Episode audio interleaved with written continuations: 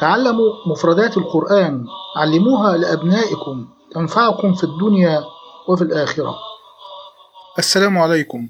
في سورة البقرة الآية 135 الله سبحانه وتعالى يقول وقالوا كونوا هودا أو نصارى تهتدوا قل بل ملة إبراهيم حنيفا وما كان من المشركين. ما معنى حنيفا؟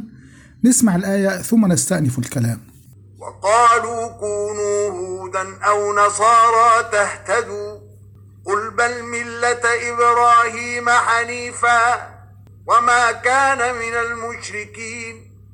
وجاء في تاج العروس أن الحنف هو ميل عن الضلال إلى الاستقامة والجنف هو ميل عن الاستقامة إلى الضلال. كما جاء في معنى قوله تعالى غير متجانف لإثم. وجاء في مقاييس اللغة أن الحنف هو إعوجاج في الرجل إلى الداخل ورجل أحنف أي مائل الرجلين. والأصل هذا ثم يتسع في تفسيره. فهذا من فسر الحنف بالميل وإن كان إلى الحق. وجاء في تفسير محاسن التأويل قوله حنيفا أي مستقيمة أو مائلا عن الباطل إلى الحق. ويقول لأن الحنف محركة تطلق على الاستقامة ومنه قيل للمائل الرجل أحنف. تفاؤلا بالاستقامة. وكان ذلك من عادة العرب أن تقول لمن لدغ سليم تبشيرا بنجاته وأن تقول للصحراء المهلكة تقول عنها مفازة. تبشيرا بالخروج منها. ولذلك قالوا للمائل حنيفا. وجاء في تاج العروس أن الحنيف هو من اختتن وحج البيت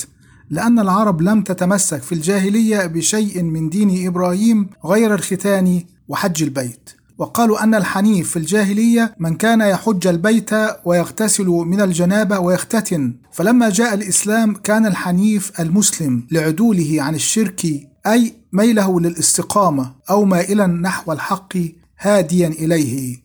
فالحنيفية السمحة هي الحق والحنيف هو المائل نحو الحق المستقيم الذي لا عوج فيه ولا انحراف. وآخر دعوانا أن الحمد لله رب العالمين.